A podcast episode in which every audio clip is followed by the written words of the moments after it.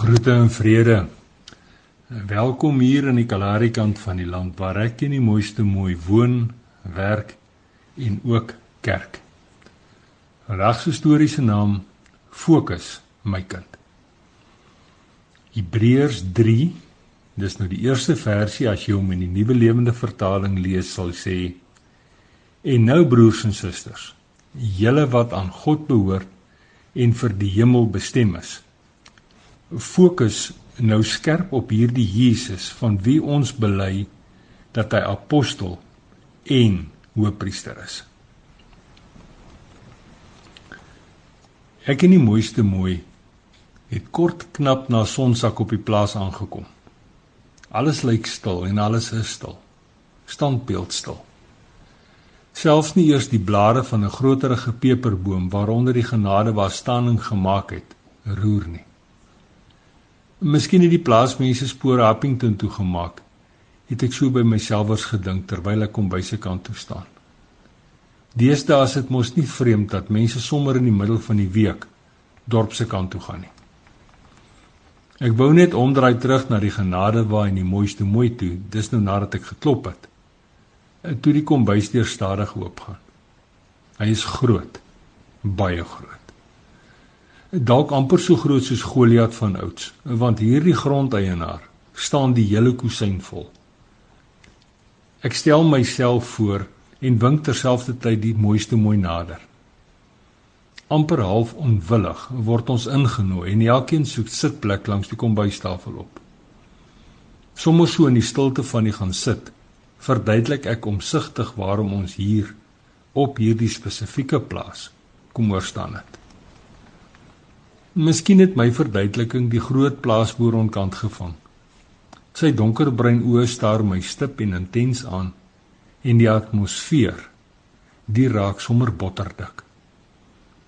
Hy haal diep asem sodat sy donker stem duidelik en hard en ook onheilspellend koud in die liggaam.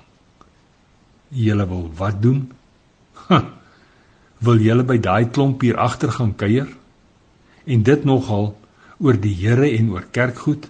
Kyk Boetie, laat ek vir jou sê, julle mors julle tyd. Ek wou net reageer toe die Heilige Gees my woorde vashou. Teen hierdie tyd kook die groot man aan die kopkant van die kombuistafel se hart oor. Dis nou van al die seer en al die kwaad. Jy moet nou mooi fokus, sê hy terwyl hy vooroor op sy arms leun. Kerk is 'n klug en dit is 'n bedrog. Dit is eintlik korrup. Kerkmense weet mos altyd beter. Is altyd reg en kruip tog te lekker agter geloof weg vir geld en dis nou groot geld. En dan word daar sommer maklik geskinder en gelieg ook oor alles en oor almal. Kamstig dan nog ook in die naam van geloof. Kyk man. Hy ek vir jou beduie. Kerkmense van vandag. Hulle maak my hart pikswart. Dit sê hy terwyl hy met sy skaapbout hand skielik hard op die kombuistafel slaan. So hard dat die mooiste mooi verward my hand vasgryp. Ek weet ek en die mooiste mooi moet vandag met bekeer ore luister. Net luister sonder enige opmerkings en sonder enige aanmerkings. Dit is belangrik dat hierdie woestynmens 'n oop hek het om sy binneste binne uit te pak en leeg te maak. Eers dan sal sy pikswart hart kan verander en dan ook gesond raak. Donker nag het later aan opgedag. Die rou seer en pyn van die groot man aan die kopkant van die kombuistafel se binneste binne is ontbloot. Hy is murgmoeg. Hy is opgebruik en hy is stil want hy het uitgepak. Hy het alles uitgepak. Die prys wat hy moes betaal sodat daar lig op sy diep gestoorde geheime kan skyn, was hoog. In daardie amperse heilige stilte na die groot man se alleen praat, onthou ek weer van Job se ou vriende en wat hy gehad het. Hulle was daar in Job se donkerste tyd met moeite en met opoffering. Het hierdie geharde woestynmens wat 'n deurkusyn vol staan ook dalk iewers 'n vriend wat by hom staan, het ek gewonder. 'n ware vriend soos Job se geesgenoot of selfs beter 'n vriend soos Jesus. Iemand wat hom kan help en iemand wat hom kan bystaan in hierdie lewensdonkerte. Mag ek asseblief iets sê? vra ek saggies. Stadig knik hy sy kop terwyl hy met moeite sy moe donker kykers op my neersit. Onthou tog asseblief dat kerkmense nooit uit 'n maagd gebore is nie. Dit is ook nêrens opgeteken dat daar ooit gesê is dat kerkmense die Vader se geliefde seun is nie. Kerkmense is wel gemartel, maar hulle het nooit aan 'n ruwe kruis gehang namens my en jou nie.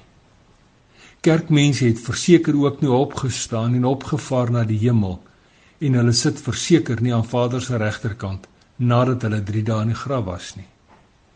En laastens, kerkmense het nooit beloof dat hulle sal terugkom nie. Net Jesus het al daardie dinge gedoen en gesê. En Jesus, as die kerkelkind van God, is die enigste hoof van die kerk, nie kerkmense nie. Ek sien hoe my woorde adres in sy kop en in sy hart maak. Stadig aan begin die geharde woestynbewoner se oë lewe en hy sit kiers regop. En dan trek hy sy skouers terug, maak sy rug reguit en hy kyk my vol in die oog. Hart weer klink sy donker stem deur die kombuis. Ek was verkeerd. Ek is so jammer. Ek was heel verkeerd. My oog was net op kerkmense en so by so het ek van hom vergeet. Hy is die een na wie ons moet kyk en hy is die een op wie ons moet fokus. Ek kon sommer hoor hoe die Vader sê: "Jy moet fokus my kind. Jy moet fokus. Jy moet op Jesus fokus want hy hy is my kerelkind." Nou ja toe. Tot 'n volgende keer. Mooi loop en sandkorrel by seëninge.